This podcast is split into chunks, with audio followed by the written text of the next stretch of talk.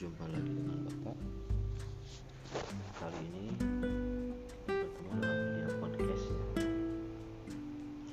Di mana sekarang kita akan membahas Mata pelajaran Bahasa Indonesia Dengan materi yang masih sama dengan materi yang kemarin Yaitu tentang ide pokok. Mari kita ingat lagi apa itu ide pokok Ide pokok adalah gagasan atau ide yang menjadi pokok pengembangan paragraf. Nah, mulai dari ide pokok apa saja, yaitu gagasan utama, pikiran utama, pikiran pokok, atau gagasan pokok. Ide pokok ini terdapat di mana sih? Nah, ide pokok ini terdapat pada kalimat utama. Masih ingat ya, kata kunci kemarin yaitu kalimat utama dan kalimat penjelas. Kalimat utama itu apa? Kalimat utama adalah kalimat yang di dalamnya terdapat ide pokok paragraf. Letaknya bisa di awal, bisa di akhir, atau bisa juga di awal dan di akhir. Kalau di awal namanya adalah paragraf deduktif. Kalau di akhir induktif.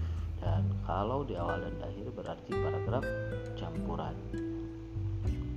Dan yang perlu kita ingat lagi adalah kalimat utama itu hanya ada satu.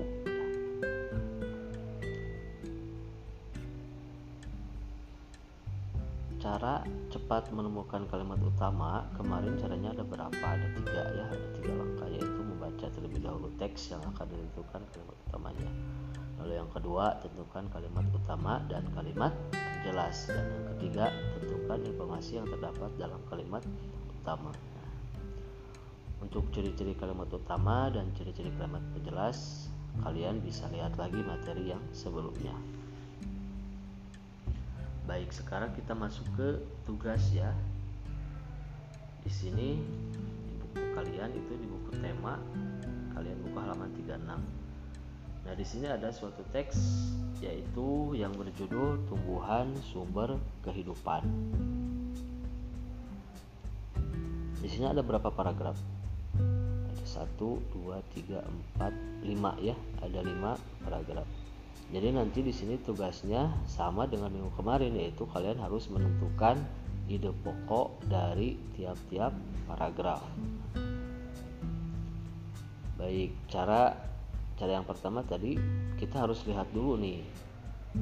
Jadi paragrafnya itu terdiri dari berapa kalimat? Pemisah kalimat itu ditandai dengan tanda titik ya. Kemarin kita sudah bahas. Kita coba lihat paragraf yang pertama. Indonesia adalah negara kepulauan yang terletak di garis khatulistiwa. Indonesia memiliki dataran tinggi, dataran rendah, dan perairan. Jadi ada berapa kalimat? Ada dua kalimat ya. Yang pertama itu Indonesia sampai khatulistiwa titik. Lalu Indonesia sampai perairan. Nah, dari dua kalimat ini kalian pilih atau kalian analisa nih mana yang menjadi kalimat utama dan mana yang menjadi kalimat penjelas. Lalu kalimat yang kedua, eh, maaf, paragraf yang kedua. Di sini dataran rendah adalah dataran atau daratan yang memiliki ketinggian 0 sampai 200 meter di atas permukaan laut. Hampir semua ibu kota provinsi di Indonesia terletak di dataran rendah. Tumbuhan di dataran rendah adalah padi, palawija, dan tebu.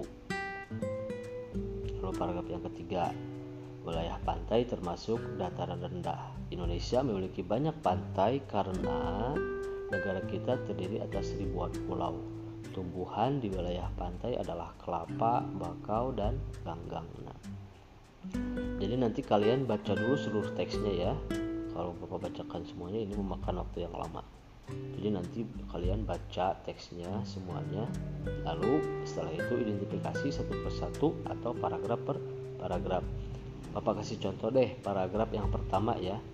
Tadi kan paragraf yang pertama itu ada berapa kalimat? Ada dua k dua kalimat ya. Lalu kita tentukan mana yang menjadi kalimat utama dan mana yang menjadi kalimat penjelas. Kita analisa ciri-ciri kalimat utama itu ya, uh, ialah maknanya bersifat umum, sedangkan kalau kalimat penjelas itu maknanya khusus atau berupa pen, penjelasan ya. Nah, dari dua kalimat ini, yang mana ayo yang menjadi kalimat utama? Yang menjadi kalimat utama adalah kalimat yang pertama, yaitu Indonesia adalah negara kepulauan yang terletak di garis katulistiwa. Nah, ini ya karena maknanya ini masih bersifat umum. Sedangkan kalimat yang kedua, Indonesia memiliki dataran tinggi, dataran rendah, dan perairan. Ini adalah merupakan penjelas penjelasan. Kalau kalian sudah menentukan kalimat utamanya, lalu cari ide pokok, ide pokoknya. Kalian bisa menyimpulkan ini. Di sini dapat kita disimpulkan Indonesia adalah negara kepula kepulauan. Jadi kalau kalimat utamanya adalah Indonesia adalah negara kepulauan yang terletak di garis katulistiwa. Kalau ide pokoknya Indonesia adalah negara kepulauan. Kalau terletak di garis katulistiwa itu berupa penjelasan. Nah itu untuk paragraf yang pertama. Satu lagi deh, Bapak kasih contoh paragraf yang kedua ya. Kita lihat, kita analisa ada berapa kalimat ini. Ada tiga kalimat ya yang pertama, datar rendah sampai permukaan laut. Lalu yang kedua, hampir semua sampai datar rendah. Lalu yang ketiga, tumbuhan di datar rendah sampai tebu. Nah, nah kita analisa yo mana yang menjadi kalimat utamanya.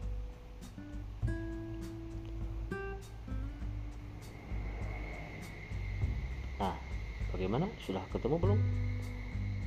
Kita lihat mana di sini yang maknanya umum paling umum yang mana yaitu kalimat yang pertama kalau kalimat yang kedua dan kalimat ketiga itu berupa penjelasan yaitu di sini kita lihat hampir semua ibu kota provinsi Indonesia terletak di dataran rendah. Ini penjelasan ya, tumbuhan di dataran rendah adalah padi, palawija dan tebu.